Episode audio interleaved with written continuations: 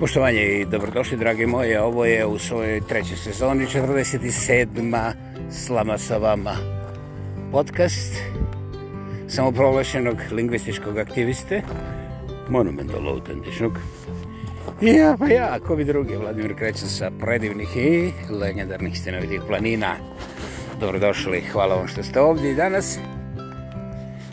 Idemo, neće biti glazbenih, još manje muzičkih ovih elementova, jer ponovo je u modi zabranjivanje njakanja, žvakanja i parloukanja. Naravno, to ne znači da toga nema, nego samo da je zabranjeno. e, nekada davno bi jedan neobrijeni Rus koji je dostojao svoj život, pa se valjda zato zvao Dostojevski, a ne Tolstojevski, jer on tamo je bilo poluengleski tel, tel, tel govori, pa onda stoji, pa ne, nekako malo, ne, ne znam, taj Dostojevski govorio je da je absurd, absurda stvarnost ili realnost. I šta ja znam, ovaj, kad se to proračuna, oduzme savere i šta ja znam, možda čak i podijeli čim podijelite ne ostane ništa ispodnete budala, dakle zadržite sve za sebe. A da li je taj gospor bio u pravu?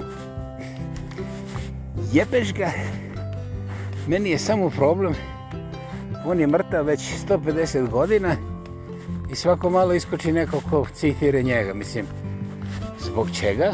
Zbog tih nekih prosto proširenih rečenica koje bare meni ne izgledaju komplicirane jebeš ga, ali šta ja znam, možda tu ima nešto. Ovaj, sad ako se zgražavate da sam ja, ovaj, mislim, malo manje nego genijalan, da ne upotrebujem neke druge grube riječi koje nisu baš onako, kako bih rekao, dekorativne, ovaj, onda bih morao da vam skrenem pozornost pažnje na ovaj takozvani moderni trend trenutak, tren, trenutak, poslanutak, koji je na krivu mjestu zabodan, ali nećemo i o tome, ni o tome. ovaj, dakle, m, ovi naši zapadnjački e, obnovi predvodnici su će bude, miš, mislim, to je pamet, ono, ne mogu dvije ludnice da skupu se s koje strane mislim, da se to gleda, a kamo li da se razumije. Naime, uzelo je 13, gotovo 14 mjeseci ovoga rata, da je najzad jučer ili prekrišer, jučer, mislim da je bilo jučer, prvi put čujem u ovoj takozvanoj zapadanoj štrampi, dobro, zapadnoj, zapadanoj, jer evo snijege i danas, jeste da je, koji danas, 17. ovaj, 17. marča, I evo kod mene ovdje na Glenmoru, na Dieselheadu, za ove koji su tu pa koji hoće da provire, iako je dan bio sunčan i topo. Ovaj, ja boga mi se ove šetne staze ne silazim jer na travnja koja je snijega, možda ne pola metra, ali 48,2 mm. Sad vi izaberite gdje ćete mjeriti, ali evo Dieselhead je dovoljno ovaj, jasna odrednica, pa navalite. Sutra do podne možda će biti 2 do 3 mm milimetar, možda čak i centimetar manje, međutim, neće biti ugodno šetati izvan ovih očišćenih staza, jer zapadalo. Eto, odtuda meni ta zapadna štampa zapadala, a imali možda neki drugih razloga, to ostavljam vama, jer ipak vi ste takozvani ovaj korisnici medijskih usluga, pa onda svako ima, na primjer, četiri mišljenja o svemu i ovisno o vremenskoj prognozi, temperaturi, na primjer, i raspoloženju žene, a posebno rastrošnosti djece, ti se stavi, jeli, ovaj, ne, ne, ne bih rako mijenju, nego prilagođavaju, znaš, onako, uvjetno govoreći, ovaj, to su samo prilagodbe, to nisu nikakve promjene. Eto ga, specijalne aktivnosti, Bože moj. I onda u toj štampi otkrivam nešto što je već ima četiri ili pet dana. Pentagon objavio da će ova uh, replenishment, znači, znači zamjena onoga svega što su poslali Ukrajini, znači ono paštete, goveđi gulaš, čačkalice iz Kine, kineske proizvodnje, onda čarape za vojnike. I još tako neke sitnice, što ne znam. Ne znam, nastavite vi. Što ne znam šta se šalje u ratu. jaje u prahu, na primjer. Mislim, ne možeš jaje na oko, samo jaje u prahu, jel, dobro, može to. Dakle, to što su sve poslali tamo u Ukrajinu, to je manje od 120 milijardi dolara. Međutim, Pentagon kaže da bi se to nadokladilo u skladištima koje su ispražene, govorimo samo o ovaj, Americi, znači US, a ne o cijelom NATO, treba će 5 godina i oko 300 milijardi dolara. 300 milijardi dolara, kažete večeras nekome ovdašnjem ovaj intelektualcu, pravom pravcatom Vaspovcu, koji nema ni malo sumnje da su svi ostali ovaj... Mislim, čovjek je, evo da skratim, čovjek je apsolutni juđinist. On kaže, pa i Nikola Tesla je bio. I on vjeruje superiorne rase i klase i kaže, Kinezi ne razumiju šta znači imati pet puta više stanovnika, znaš. Kinezi su glupi da na primjer, koriste pračku. Ali mogu te pračke da prodaju u desetke hiljada komada američkim klincima. I to za ozbiljne dolare. ok. A, I sad, taj mi eugenist, ja kažem, pa evo, 300 milijardi dolara ode. Kaže on, nije to ništa, sve će to Kina platiti. I ovaj, Sad ne bih ulazio detalje, gledam čovjeka. On, ovaj, u stvari, tješi mene kako ja ne znam ko u stvari plaća. Naravno da nisam stigao da mu kažem nijedno jedino slovo, da je kalendar malo ovaj, zakoračio neka vremena koja ovaj, će doniti poprlično nezgodne činjenice na nezgodan i skup način svima tima juđinistima koji su vjerovali da pripadaju povlaštenim klasama koje kad im zatreba par stotina milijardi lijevo ili desno, oni onda narede cijelom kontinentu ovako.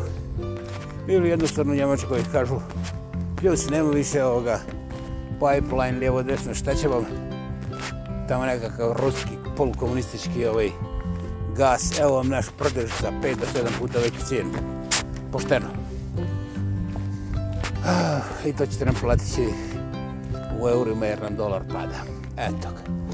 Ovaj, I to je sasvim okej, okay, to je potpuno demokratski, to je širenje slobode i demokracije. Čemu vi kad ne razumijete, onda može, može onda spadate u Afriku i ste po ovim ljuđenistima ta niža vrsta ovih Ne znam koliko imate roga, to je već, već privatno pitanje. Ja sam ne suprostavljeno ako imate više od stanoga, to je dobro. Mislim, dobro za vas. Ja sam presretan što je tako jer ja se namučim da kupim par cipela, a šta misliš da imam stono? Oh, Bože moj. Dakle, ja se osjećam potpuno dobro u ovoj moje ulozi. I ovaj, eto tako ta pitanja ne bih potezao, međutim, ona ipak postoje. I možda vi nećete vjerovati, ali nikoga nije briga da li vjerujete ili ne vjerujete. Ovi koji su zamutili kašu, oni crtaju te milijarde lijevo i desno na način kako im padne. Ne mislim napred, nego onako kako ih šukne.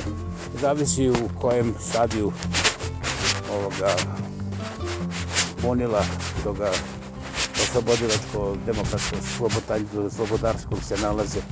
Ovaj, jer oni znaju da sve te lupotine zbune takozvani normalni svijet i onda dok se zbunjen ili ima šest kesulji, imaju uvijek viška. Međutim, nisu primijetili da imaju manjka. I ti manjkovi više nisu, šta ja znam, manjak stanovništva, manjak proizvodnje, manjak tako dalje, nego manjak gluposti i laži. Ovaj, jer to što lupetaju, to je bilo davno, davno, davno pročiteno. Međutim, sad je došlo vrijeme da ovi koji su lagani i opljačkani, da ne kažu ništa, nego jednostavno uzmu svoje pare i odu, te, odu u Teheran. Ali ne kao onaj tamo, neki iz, ne znam odakle, sa Balkana, nego odu u Teheran, ovo kao pošteni svijet i kažu, evo, hoćemo li se igrati sa Saudijskom Arabijom ovih novih svjetskih vizura i možda nam se pridruži kino, fino i šta ja znam. Ovaj, ima nas više od tih Amerikencova. Oni su eno naguzili Europu. Jašuje Europa stelje, ali ne mrda nikuda. Potpuno se predala uza zadovoljenju ovoga US-a, jer on je dobro kresa. Međutim, to nisu naši problemi. Recimo, prošlog tjedna na tome G20 mitingu. Indijski premijer kaže Halo, gospodo sa zapada, misli na Evropu i US. Kaže, izađite iz te iluzije da su vaši problemi svjetski problemi. To što je rat između Rusije i Ukrajine, to nije mala stvar. Međutim, znate, svijet je puno veći i ovaj, nemojte odmah da tako historično nazivate sve svjetskim problemom, jer eh, i US i Europa zajedno nemaju stanovnika koliko samo Indija. Dakle, ovaj, ako želite da sedite za ovim stolom, prilagodite se kalendaru, nešto se promijenilo, umeđu vremenu više niste strah i trepet ove planete, nema veze koliko oružje proizvedite i nema veze koliko pjenite i koliko crvenih gumbića za te nuklearne gluposti imate. Znate, mi ćemo, čak i ako bude nuklearnog rata, nekako proživjeti čisto po običnoj matematičkoj logici. Dakle, priviknite se i izađite iz toga da svaki svoj problem nazivate svjetskim, jer to nije. Drugim rečima on je rekao i US-u i Zapadnoj Evropi. Znate, možda ste veliki bili ovi pećari u ovih zadnjih 70 godina poslije Hitlera, i glumili ste nekakve demokracije. Znate, vaše vrijeme je prošlo sa onim lažima počeći od sada Huseina pa sad na ovom. A umeđu vremenu u Zagradi i sami ste priznali da ste u zadnjih 70 godina pobili tri puta više ljudi širom svijeta u ime te vaše demokracije nego što ih je pobio Hitler u drugom svjetskom ratu. Da, da, tri puta više. Pogledajte malo, informirajte se. Dakle, Amerika nije ispušila. Amerika je irrelevantna i nalazi se u stanju kad će moći samo da puca sa nuklearnim projektilima na kineske balone, jer druge stvari neće moći da dohvati. Amerika je u očaju, Amerika je izgubila i Amerika je imperija koja se već 20 godina metastatički hrbe sa svojim iluzijama i naravno projekcijama nepostojeće stvarnosti. Ja svakako ne uživam u tome i ovo nije priča koja govori da je Putin u pravu. Naime, Putin je stoka mrka oka na sasvim drugoj talasnoj dužini. Međutim, i dalje stoka, i dalje kriminalac, i dalje buli. Međutim, Amerikanci su pokazali ne da su šupljiko badanj, nego da su iz parazita na ovoj planeti prerasli u jednu metastatičnu masu koja se sada urušava iznutra. I Bogom Amerika, jeste vi gospode iz CIA e, ako slušate, lijepo me upucate i onda dokažete da to nije istina. Mislim, to je apsolutno sukladno vašem ponašanju zadnjih 70 godina. I ja nisam iznenađen, samo Znate, ja sam se pripremio prije 50 godina, još za vrijeme jugoslavenskog komunizma. Sa 16 godina sam rekao, ja nemam djece. Tako da kad mene ukokate, neće biti revolucije ni otpora i evo, to mi je prilika da ovaj kontrirate ovome što sam ja upravo rekao. Međutim, nema veze da li ja vjerujem u Boga ili ne vjerujem, ali je bede nas kalendar i vas i nas, to jest i mene. Jer niti ću ja živjeti 154 godine, niti ćete vi doživjeti da vidite Mosku na nekakvim tamo buržurijama tipa Abrams ili nešto tome slično. Um, meni više nije žao što ukrajinsko rukovodstvo ovaj, apsolutno nepismeno i zadrto. To što imaju naciste među sobom, to je manje više dekorativna stvar ali to što nemaju srca prema vlastitom narodu kojeg su nagurali pod ruske tenkove, uvjereni da će kao pobjediti, a ne znajući ni sami šta ta pobjeda znači i šta bi to trebalo biti. Ovaj, da li ja kažem da su zaslužili? Ne, ja nikad neću opravdati zločin, pogotovo zločin napadača, a to su Rusi. Ja kažem da su tu pomarosi koji su apsolutno diskvalificirani čak i iz svoje vlastite kože po, ti, po pitanju shvatanja realnosti, ne samo bili nespremni, nego su bili jednostavno i ostali inkapacitirani, inkapacitirani u shvatanju strategijskih realnosti. To im nije palo na pamet. Oni su bili uvjereni kad dobiju dovoljno tenkova, aviona i podmornica, da posebno padobrana, nuklearnih i šta ja znam šta već ne, Znači kada dobiju tih batina, kada dobiju dovoljno buzdovana, kad budu imali tri put više buzdovana, da će onda razjebati sve Ruse. Znate, to nije čak ni crni humor, jer na primjer da su dobili sve buzdovane i nuklearne podmornice sa tim posebno nuklearnim padobranima, problem je što na jednog Ukrajinca ne možeš da nasadiš više od jednog nuklearnog padobrana. Ozbiljno, pokušajte. Pokušajte, na primjer, to da urodite na Bosancu, isti korac. Pokušajte na bilo kome. Dakle, ti Rusi imaju 160 miliona majmuna, a Ukrajinci, kada oni 30% Rusa povijegne ovaj, jer neće da se bori kontra Rusije, onda u 40 miliona ostane naš stare babe, djeca, skupa ostane manje od 20 miliona ovaj, ljudi u Ukrajini. Danas je to ne moj podatak, pročitajte. I kad tih 20 miliona imaju svako pet ovih pet nuklearnih padobrana i sezam četiri buzovana, onda ljudima ne trebaju Rusi, onda su oni sami sebe uvobnjali jer ne mogu se izvući iz blata sa tolikim preopterećenjem.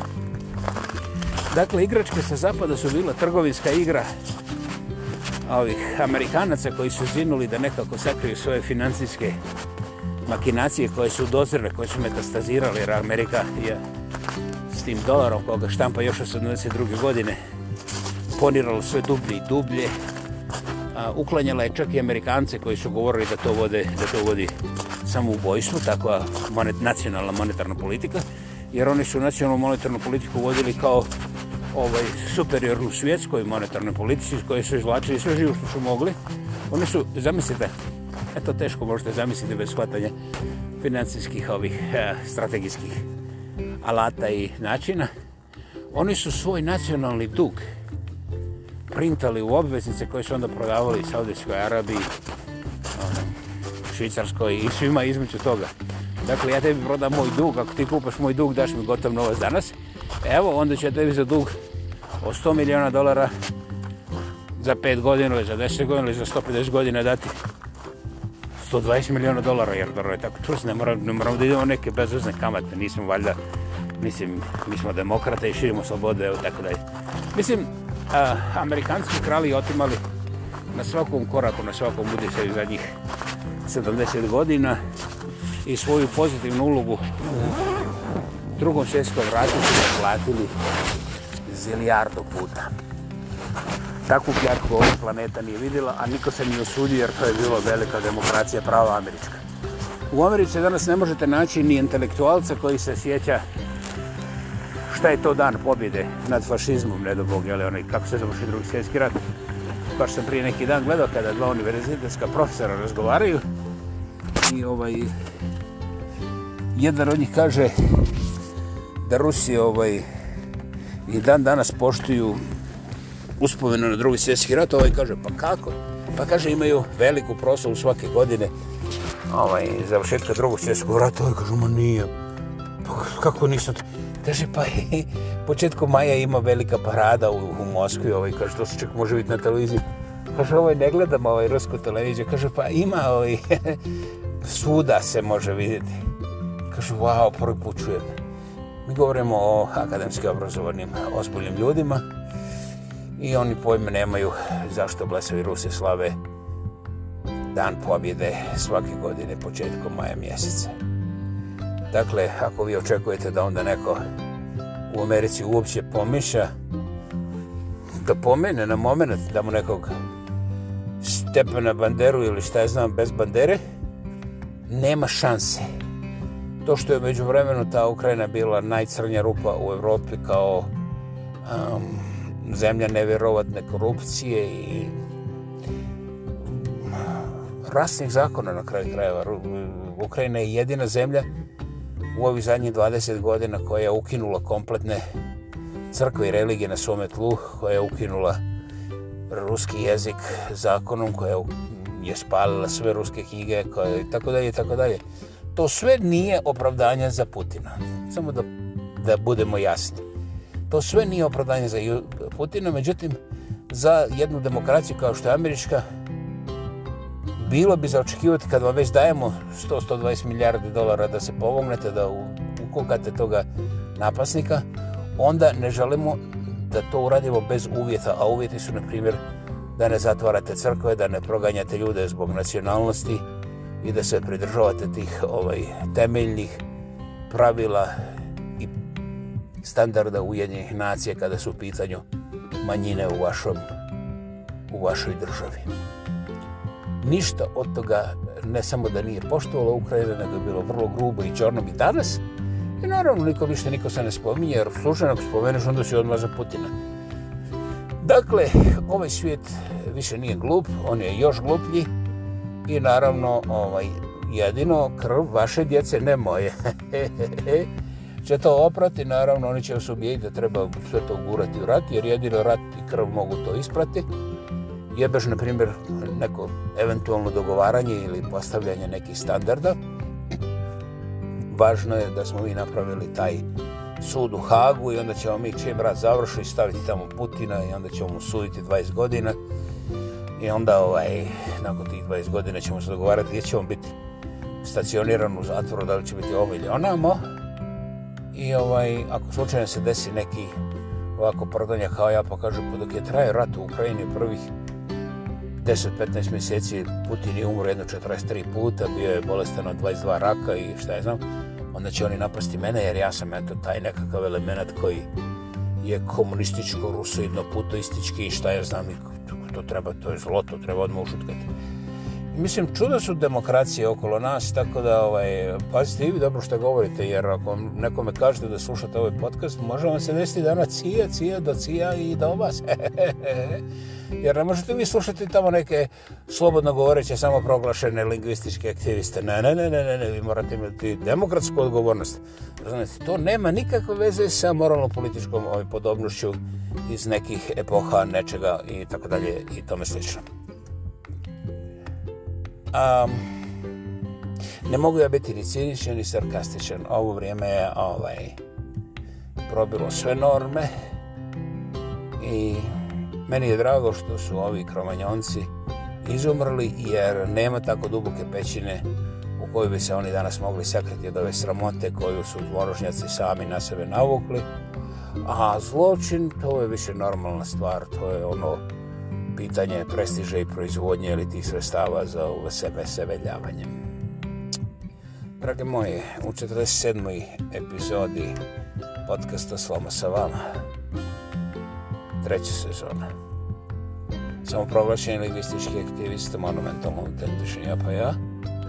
Upravo je rekao nekoliko riječi o recimo stanju sra, e, e sranju stanje, ne, stanje sra, ne, ne, stanju, da, da, to sam ti reći, prosite, da sam se zadrko, zabrko, ovaj, i nemojte, nemojte doživljavati ove, mislim, nekakve misivačke aktivnosti, Eh, popiti zelenog čaja ne više od pola litra dnevno, ni slučajno. I ovaj... Eh,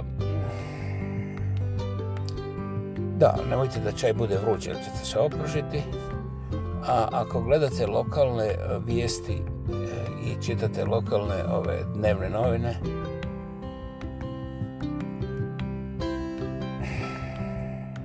onda sasvim sigurno ne slušate ovaj podcast. A ako ipak se desi da tamo pogledate, nemojte, nemojte. Nemojte jer ovaj, istina je postala eh, od onih kurvi koje ovaj, nemaju problem da vašu vlastitu djecu okrnu protiv vas zbog nekakvih novih istina. I ja se toga više ne plošim, niti se tome radujem, niti se tome radujem, ja sam eto uspio da postanem star i ravnodušen nadam se da ćete i vi spasiti sebe od nerviranja i ovaj, ne gledati dublje u taj cirkus koji je umeđu vremenu i krvav i govnjav i vrlo teško da ćemo doživjeti nešto normalno. Nije mi žao što sam ovo rekao, meni je drago što sam to rekao naglas, zbog toga što dolaze neka vremena koja je prije par statina godina jasno vidio Nostradamus i sad možete nazvati praznovene, zašto ne, ali ovaj, ta isti Nostradamus je rekao da 21. stoljeće pripada ovim rižoklopnima. Ja sam se uvijek tome smijao, međutim danas mi nije smiješno, jer nekako mi se čini ako ih Amerikanci ne razbucaju, a ne znam s čime će to uraditi, jer Amerikanci ipak imaju vojsko od nekih par statina tisuća vojnika, dok evo kinezi su imaju profesionalnu vojsku 2 miliona vojnika, znaš. Sad uzmi da amerikanci imaju po 10 buzdovana, teško ih je držati. Svaki vojnik, znaš, teško ih. A kinezi samo jedan buzdovan i kreću se fantastično brzo. Dakle, sad primjećujete ko će koga. Ovaj, iako svi kažu da su amerikanci ne samo pametniji, nego inteligentniji i tako dalje i da će oni 100% kao superiorna rasa sve to rišiti u svoju korist i još naplatiti kinezima ove ovaj, štetu i natjerati ih da počiste. I bože moj, pošto ja nisam kinez, kako, kako ja mogu navijeti za kineze? Ovaj. Međutim, nešto mi se čini da taj jebeni zdrav razum ovaj, je davno protiran i da ovdje niko ne vodi računa o njemu, međutim, kao i Bog. Možeš da mu radiš šta god hoćeš, ali ne možeš ga otirati i ovaj, na kraju on uvijek ima zadnju riječ. Na isti način i zdrav razum u ovim našim sociolopolitičkim i geopolitičkim kretanjima i dešavanjima zdrav razum će doći na svoje, a to će mnogi uobraženi platiti sa nevjerovatnim cijenama koje se ne usuđuju danas ni pomisliti ni ja ne žalim, niti se veselim. Ali jednostavno kažem moje baki, hvala što me naučila, kaže dijete, kako pravo, tako zdravo. Svaka istina se može izbjegavati, lagati, prepakirati i ovaj, lagati pa onda opet u krug. Ali onda dođe do zamora materijala i ispliva istina i onda dolaze sve na, na naplatu i naravno dolazi sa kamatama kako pravo tako zdravo moja baka je govorila ovaj, i kaže kad vidiš da te neko prevari u oči ti to rečeš pomoliš se Bogu ideš dalje jer sve je drugo u Božem rukama tako je zdrav razum doista u Božem rukama to je inercija i zakon prirode i svako će polizati precizno šta je prosuo okolo ne sumnjam zbog toga sam ovako miran i zbog toga sam sretan što vam mogu uporučiti par riječi. U trećoj sezoni, 47. put Slama sa vama, završavamo. Bija je sa vama ja pa ja, ako bi drugi Vladimir Jeća sa prelijepih i legendarnih stjenovitih planina. Hvala vam, uskoro se čujemo ponovo. Svako dobro. Svako dobro.